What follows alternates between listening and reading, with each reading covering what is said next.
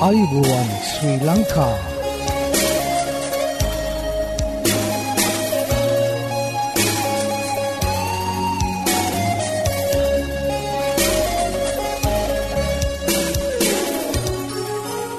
ඔබට සුපදස මේ Adventist World radio බලාපොරොත්වය හඬ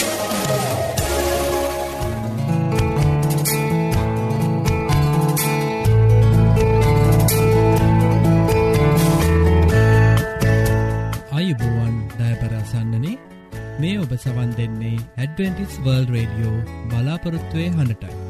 මෙම වැඩසටාන ඔබහටගෙනෙන්නේ ශ්‍රී ලංකා 70ඩවෙන්ටිස් කිතුුණු සභාව තුළින් බව අපි මතක් කරන්න කැමති.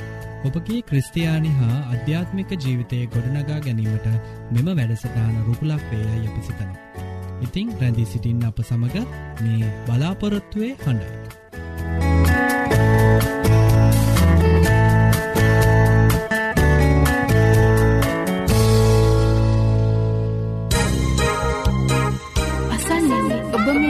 සිටින්නේ ඇඩ්වෙන්ටිස් වර්ල් රේඩියෝ බලාපොරත්තුවේ හඬ සමඟ.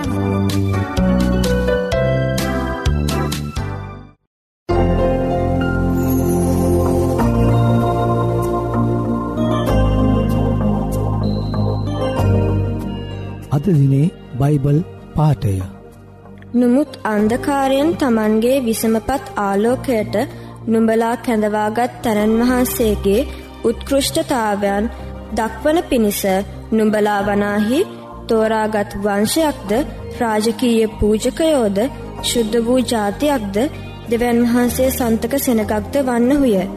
එක පේත්‍රස් දෙකේ නවය.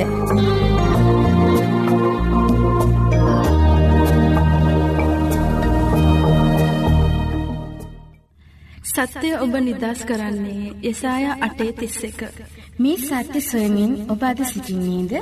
එසේ නම් ඔබට අපගේ සේවීම් පිදින නොමලි බයිබල් පාඩම් මාලාවට අදමැතුල්වන්. මෙන්න අපගේ ලිපිනය ඇඩවෙන්ටිස්වල් රේඩියෝ බලාපොරත්තුවේ හඬ තැපැල් පෙටිය නමසේපා කොළඹ දුන්න. අසන්නන්නේ ඔබ මේ රැඳී සිටින්නේ. ඇඩ්වෙන්ටිස් වර්ල් රේඩියෝ බලාපොරත්තුවේ හඬ සමඟ.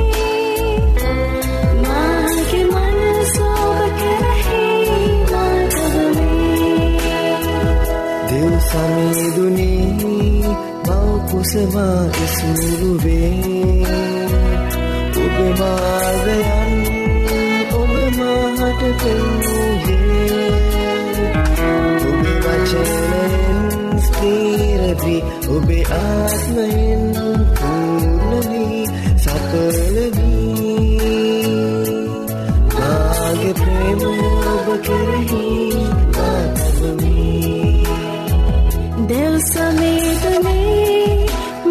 आसमां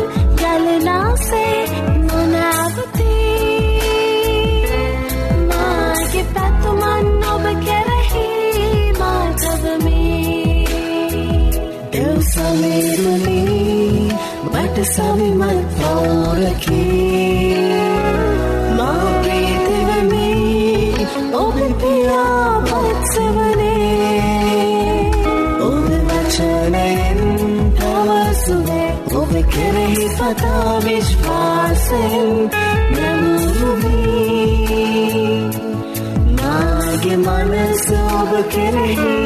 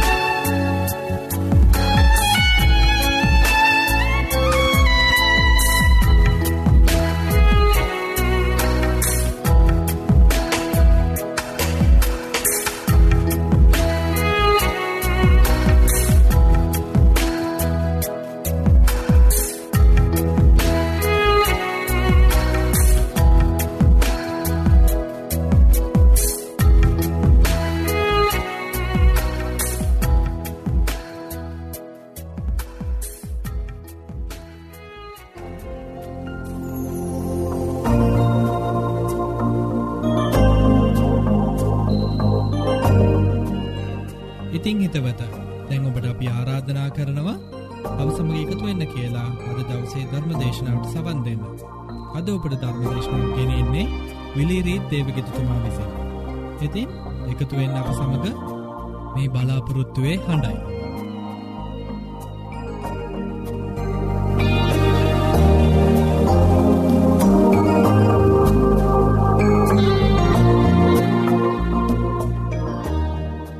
දයබර අසන්නෙන.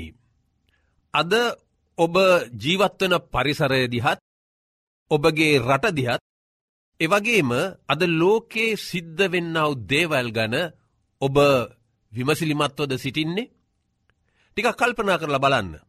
අද ලෝකයේ පවතින ස්වභාවික විපත්තිවලින් නොයෙක් රටවල් වල වසන පුරවැසියන් කරදරවලට මුහුණ පා සිටින බව ඔබ දන්නවා නේද. මහා පරිමාණය ලැව්ගිනි ජලගැලීම් නායයෑම් බුහමිකම්පා සමහර තැන්වල දැඩි නියග අධික සීතලය වැනි ස්වභාවික විපත්ති ලෝකයේ බොහෝ රටවල් වල පවත්වන බව පවතින බව ඔබ දන්නවා නේද. දැන් මාගේ මිත්‍රෝණි මේක ලෝකයේ නොෙක් රටවල්වල ඇතිව්වත් ලංකාවද මෙම තත්ත්වයට මුහුණපා ඇති බව ඔබට මතක ඇති. විශේෂයෙන් පසුගිය මාසය ඇතුළතදී ලංකාවේ උතුරු මැද ප්‍රදේශය නැගෙනහිර ප්‍රදේශය එවගේම බස්නාහිරම ලංකාවේ හැම ප්‍රදේශයකම මහා අධික වැස්ස නිසා ජලගැල්ම ඒවගේම නායෑම් නිසා ලක්ෂ තුනක් පමණ සෙනග අවතැන් වූ බව ඔබට මතකයි නේද. එවගේම මාගේ මිත්‍රෝරණි අසන්නෙන මේ අධික වර්ෂාව සහ ජලගැලීම් නිසා ලංකාවේ සිටින අපද බොහෝ කරදරකාරි තත්ත්වයකට පත්ව සිටිනෝ. එවගේම මේ සිද්ධියම් නිසා මුළු ලෝ වැසියන්ම කැළඹී සිටිනවා. ලෝක විනාශයක් අත ළඟද යන මතය බොහෝ දෙනාගේ සිත්වල හටගෙන තිබෙනවා. විශේෂයෙන් අපගේ ඒ රූපවහනි නාලිකාවල. ඒවගේම ප්‍රෘතිපත්‍රවලද මේ බව සඳහන් වී තිබෙනවා මේ ලෝක විනාසයක ලකුණුද කියන දේවල් එහි සඳහන් කර තිබුණා. නමුත් මේ අතරතුරේදී අපට මතක් වෙනවා. මේ ළඟදී ලොකු අපේ පත්‍රවල ඒ වගේම අපගේ ගුවන් විදුලි එමෙන්ම ඒ රූපවහනි නාලිකාවල පවා දෙදස් දොළහේ දෙසර්වර් මාසේ විසියෙක් වෙන දින ලෝක විනාශයක් ඇතිබන බව බොහෝ අයගේ මතයක්ව තිබෙනවා. දැන් මේ මතය කොහොමද මේ ලෝවාසින්ට පැමිණිය. එනම් මීට සතවර්ෂ බොහෝ ගණනකට පෙර. දකුණු ඇමරිකාව විසූ මායා ඉන්දියන් ගෝත්‍රිකයන් ගේ දිනදර්ශනය අනුව ඔවුන් සඳහන් කර තිබෙනවා දෙදස් දොලහේ දෙසම්බර් මාසේ ඔවුන්ගේ දිනදර්ශනය අවසන් වෙන බව. දැන් මේ හේතු සාධක නිසා අද බොහෝ දෙනා කල්පනා කරනවා දෙදස් දොලහේ දෙසම්බර් මාසේ විසියෙක්වනිදා ලෝකය අවසන් වෙන බව. ඉන් නිසා එම දින ලෝක විනාශයක් ඇතිවන බව බොහෝ දෙනා පිළිගත්තත් මේ දේ සිදුවෙයිද අපි ටිකක් සොයලා බලමු. එවගේම දෙදස් දොළහය යන තේමාව මුල් කරගෙන චිත්‍රපටියක්ද දැන් නිපදවා තිබෙනවා. ඒ චිත්‍රපටියද සඳහන් වී තිබෙන්නේ දෙදස් දොළහේ දෙසම්බ්‍රමාසේ විසියෙක්වනි දින මහා ජලගැල්මකින් ලෝකය විනාශවන බවයි.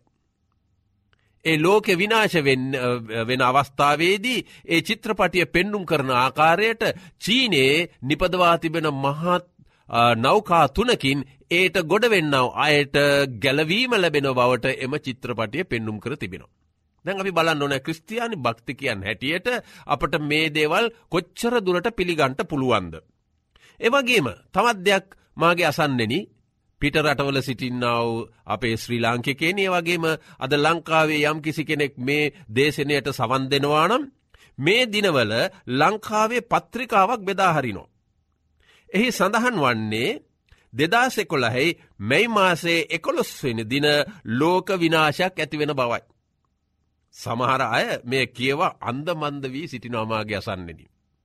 නොමුත් ක්‍රස්තියානි බැතිමුතුන් ලෙස සුද්ද බයිබිලේ සඳහන් වී ඇති අනාවැකි දෙස අපේ අවධානය යොමු කළොත් අපට පුළුවන් මේකෙ තිබෙන සත්‍යතාවය අසත්‍යතාවය වටහාගෙන අන්ද මන්ද නොවී සිත සනසාගන්නට ඒවගේම මෙයින් මිදන්නට මහත් බලාපොරොත්තුවක් ගෙන දෙන්නාව දේවල් ස්වාමියූ යේසුස් ක්‍රිස්තුස් වහන්සේගේ වචනවලින් අපට සඳහන් කරගන්ට පුළුවන්.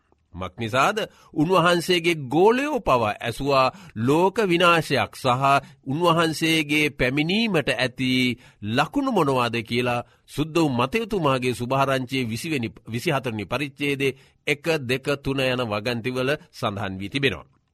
හොඳයි එහෙමනම්. මෙවැනි ස්වභාවික විනාශයන් ඇතිවන බව ක්‍රිස්තුස් වහන්සේ ශුද්ධ බයිබලේ සඳහන් කර තිබෙනවා මාගේ මිත්‍රූණි. මම ඒ ඔබට දැම් මෙතනින් පෙන්නුම් කර දෙන්නම්. සුද්දෝ ලුක්තුමාගේ සුභහරංචියයේ විසි එක්වනි පරිච්චේදේ විසි පස්වනි වගන්තය සඳහන් වී තිබෙන්නේ ඉර සඳහා තාරකාවන් කෙරෙහි ලකුණු හා මුහුදේත් රැල ගැසීමෙත් ගෝෂාව නිසා වන වියවුලින් පොළවේ ජාතීන්ට දුක්වේදනා වන්නේය. මක්නිසාද ආකාසේ පරාක්‍රමධාරින් සොලෝනු ලබන බැවින් බහනුත් ලෝකයට පැමිණෙන්නාව දේ බලාපොරොත්තුව සිටීමෙනුත් මනුෂ්‍යයන්ගේ සිත් ක්ලාන්ත වන්නේය. දැන් මේ සිත් කොච්චර දුරට ක්ලාන්තවීගෙන යනවාද කියතොත් අද බොහෝ අය පවසනවා. විද්‍යාඥයෙන් පවසනවා. ලෝකයේ මේ මහත් වූ විනාසේ නිසා තිරිංගු සහ වෙනත් අත්‍යවශ්‍ය ආහාර නිපදවන රටවල් වල කෙත් විනාශවී යන නිසා මහත් වූ මහා පරිමාණයේ නියගයක් සහ කෑම අහේනියක් ඇතිවෙන්නට පුළුවන් බව ඔවුන් මෙතනින් පෙන්නුම් කරනවා. මේ දේම සුද්ද මතයුතුමාගේ සුභාරංචි විසිහතුන පරිච්චේද යේසුස් වහන්සේ කෙනවා අන්තිම කාලයේදී නියඟ බුහුමිකම්පා සහ සාගත වසංගත ඇතිවෙන්නට ඉද තිබෙන ඇතිවෙනවායි කියලා. එහම නම්මාගේ මිත්‍රුණි ක්‍රස්තියානි බැතිමුතුන් හැටියට අපගට සිතට ඇතිවෙන සහනයක් තමයි මේ දේවල් සිද්ධ වන්න විට ඒසුස් වහන්සේ අපට ලොකු බලාපොරොත්තුවක් දෙනවා. ලුක්තුමාගේ ස්වභාරංචේ විසියෙක්වනි පරිච්චේදේ විසිහත්වනි වගන්තිය කියන්නේ එකල මේ දේවල් සිද්ධ වන විට මේ ස්වභාවික ව්‍යසන ලෝකයේ සිද්ධ වීගෙන යන්නව අවස්ථාවේදී ස්වාමින් වහන්සේ කෙනවා. එකල මනුෂ්‍ය පුත්‍රයා බලයෙන් සහ මහත්තේජසින් යුක්තව වලාකුල්වලින් එනවා ඔහු දකින්නෝය. එහෙමනං මේ ව්‍යසන වලින් අපට පෙන්නුම් කරන්නේ යේසුස් ක්‍රිස්තුස් වහන්සේගේ දෙවන පැමිණීම ඉතාමත්ව ලංව තිබෙන බවයි. ඒවගේම විසිහත්වනි වගන්තිය කියලා තිබෙන්නේ එකල මනුෂ්‍ය පුත්‍රයා බලයෙන් සහ මහත්තේජෙසෙන් යුක්තව වලාකුලින් එනවා ඔහු දකින්නෝය. මේ දේවල් දකින විට ඒසුස් වහන්සේ කියන මෙන්න මේ විදියට. මේ දේ සිදුවෙන්ට පටන් ගන්න කල නුඹලාගේ මිදීම ලං වූ බැවින් ඉහළ බලා හිස්වසවාපල්ලායි කීසේක. එහෙමනං අපට බලාපොරොත්තුවක් තිබෙනවා මේ ලෝකයේ තිබෙන්න්නව දුක වේදන මේ ස්වභාවික ව්‍යසනවලින් වෙන්නව සිත් ඇවුල් විනාශවලින් මනුෂ්‍යාව මුදවාගන්ට පුළුවන් වන්නේ නැවතවරක් මේ ලෝකයට පැමිණෙන යේසුස් ක්‍රිස්තුස් වහන්සේ තුළින් පමණයි. නමුත් මාගේ මිත්‍රී මම ඉහත සඳහන් කර පරිදි. ඒ මායා ඉන්දියන් වරුන්ගේ ඒ තිබෙන්නාව කාල සටහන අනුව දෙදස් දොලහේ දෙසම්බර් මාසයේ විසියෙක් වෙනිදා මේ ලෝකයේ පැවැත්ම නැතිවෙනවායි කියලා එකට්ටිය දිනේ සඳහන් කරලා තියෙනවා. ඒවගේම දැන් ලංකාවේ බෙදාහරින එක්තරා පත්‍රිකාවක එක්තරා ක්‍රස්තියානි නිකායක් විසින් මේ විදිහට සඳහන් කරලා තිබෙනවා ක්‍රිස්තුවර්ස දෙදස් එකොළහයේ මැයි මාසේ එකොළොස්වනිදා. ස්වාමින් වහන්සේ මේ ලෝකෙට විනිශ්චයක් ගෙනවිත් ලෝක විනාශයක් ඇති කරනවායි කියලා. මාගේ මිත්‍රෝණී මේක සුද්ද වූ බයිබලය අනුව අපට කොච්චරදුරට පිළිපදින්නට පිළිගන්නට පුළුවන්ද කියලා අපි බලමු. නමුත් ස්වාමියු යේසුස් වහන්සේ මේ සම්බන්ධ මේ දින පැවැත්වීම දින සකස් කිරීම ගැන මෙන්න මේ විදිහට උන්වහන්සේ අපට සඳහන් කර තිබෙනවා සුද්ද වූ මාක්තුමාගේ සුභාරංචියයේ දහතුන්වෙනි පරිච්චේදේ තිස් දෙවැනි වගන්තිඳල මම කියවන්නම්. නොමුත් ඒ දවසවත් ඒ පැයවත් පියාණන් වහන්සේ මිස අන් කිසිවෙක් දන්නේ නැත. ස්වර්ගයේ සිටන දූතයවත් පුත්‍රයාවත් නොදනිති.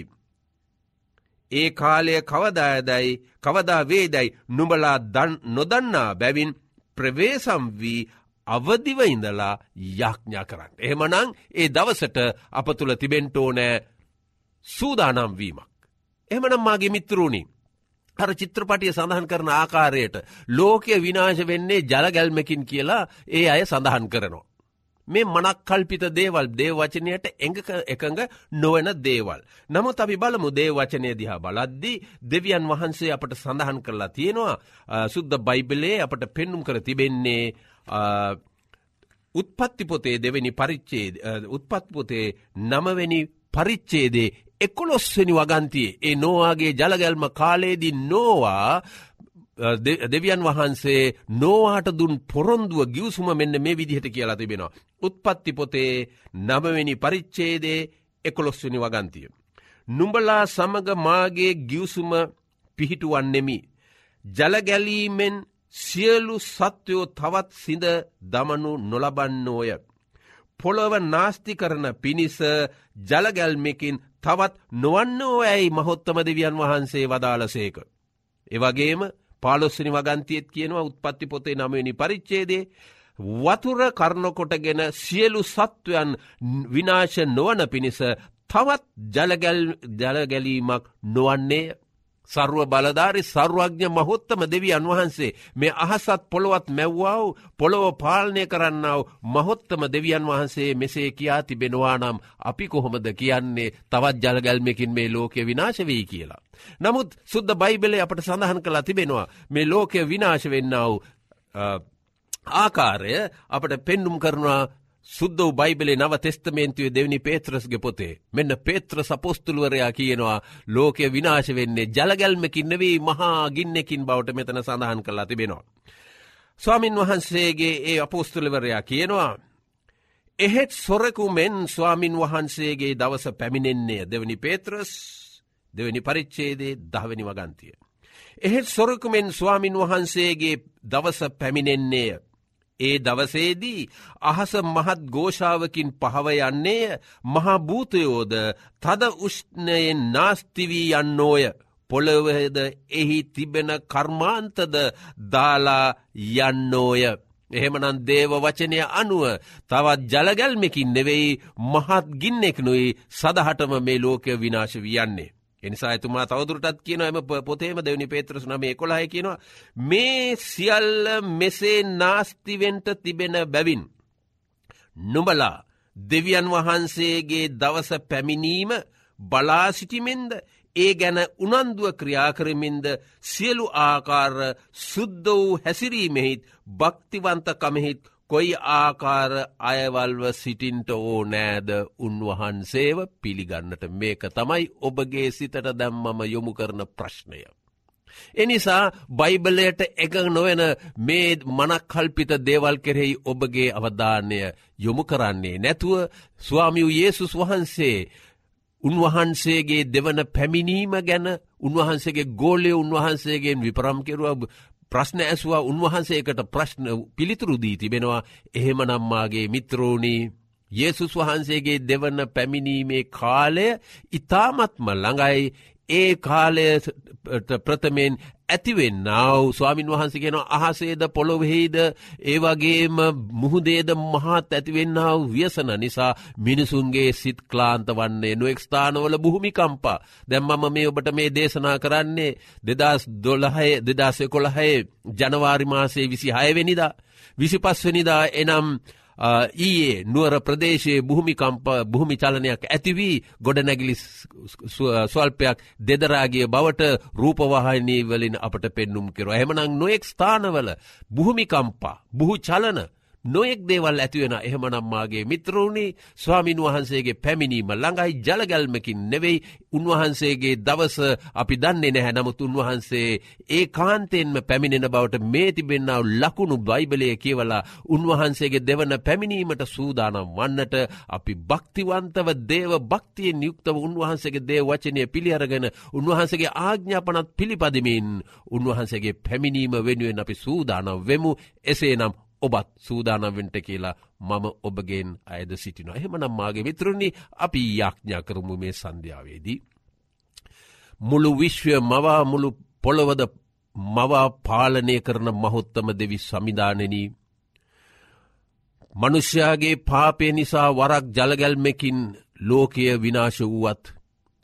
නැවතවරක් ස්වාමියූ Yesසුස් වහන්සේ දෙවැනිවරට පැමිණෙන විට සුද්ද බයිබලේ දී තිබෙන්නාව මේ ලකුණු ස්වභාහික ව්‍යසනවලින් අපගේ සිත් සනසාගන්ට පුළුවන් වන්නේ මේ දුකින් මරණයෙන් වේදනාවෙන් අපිව මුදවාගන්ට පැමිණෙන්නාව Yesසුස් වහන්සේගේ පැමිණීම ඉතාමත්ම අත ළඟ බව පෙන්නුම් කරන්නාව මේ ලකුණුවලින් අපගේ සිත සනසාගෙන උන්වහන්සේව පිළිගන්නට අප තුළආත්මිකව මානසිකව ශාරීරිකව සූදානවීමක් ඇතිකරගන්ටේ කියලා අපි ඉල්ලමින් දෙවි සමිධානනී ඔබ වහන්සේ අපට මේ දේවල් එළිදරව් කර තිබෙන ස්තුතිවන්ත වෙමින් සියලුම මනුෂ්‍යයන්ට කරුණාව දක්වන සියලුම සත්වයන්ට කරුණාව දක්වන මහොත්තම දෙවි සමිධානනී ඔබ වහන්සේගේ මහත් වූ දයාව ප්‍රේමය කරනකොටගෙන මේ ව්‍යසනවලට මේ විපත්තිවලින් පීඩා විඳින්නාව හැම රටකම සිටින මනුෂ්‍යයනු දෙසා අනුකම්පා කොට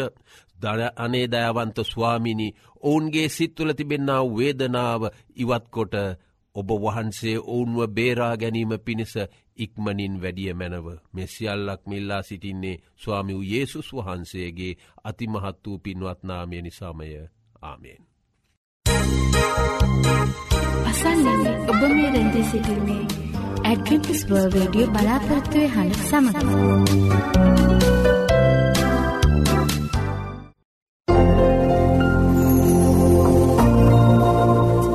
අපේ මෙ වැඩසටාන තුළින් ඔබලාට නොමිලේ ලබාගත හැකි බයිබල් පාඩං හා සෞඛ්‍ය පාඩම් තිබෙන. ඉතිං ඔබලා කැමතිනං ඒවට සමඟ එක්වෙන්න අපට ලියන්න. අපගේ ලිපින ඇඩවෙන්ටිස් වර්ල් රඩියෝ බලාපොරත්තුවය හඬ තැපැල් පෙට්ටිය නමසය පහ කොළඹ තුන්න මම නැවතත් ලිපිනීමතක් කරන්න. ඇඩවෙන්ටිස් වර්ල් රඩියෝ බලාපොරත්තුවය හඬ තැපැල් පෙට්ටිය නමසය පහ කොළඹ තුන්න ඒ වගේ මොබලාට ඉතාමත් ස්තුතිවන්ත වෙනවා අපගේ මෙම වැඩසටාන දක්කන්නාව ප්‍රතිචාර ගැන. අපට ලියන්න. අපගේ මේ වැඩසටාන සාර්ථය කර ගැනීමට බලාගේ අදහස් හා යෝජනාවට අවශ්‍ය අදත් අපගේ වැඩසටානය නිමාව කරාලඟාව තිබෙනවා. ඉතිං පුරා අඩහෝරාව කාලයක් අප සමඟ රැඳී සිටිය ඔබට සූතිවන්ත වෙන අතර හෙටදිනියත් සුපුරෝධ පරිති සුපුරෘදු වෙලාවට හමුවීමට බලාපොරොත්තුවයෙන් සමුගන්නාමා ක්‍රස්තියකනායක ඔබට දෙවියන් වහන්සේකි ආශිර්වාදය කරනාව හිමියේවා.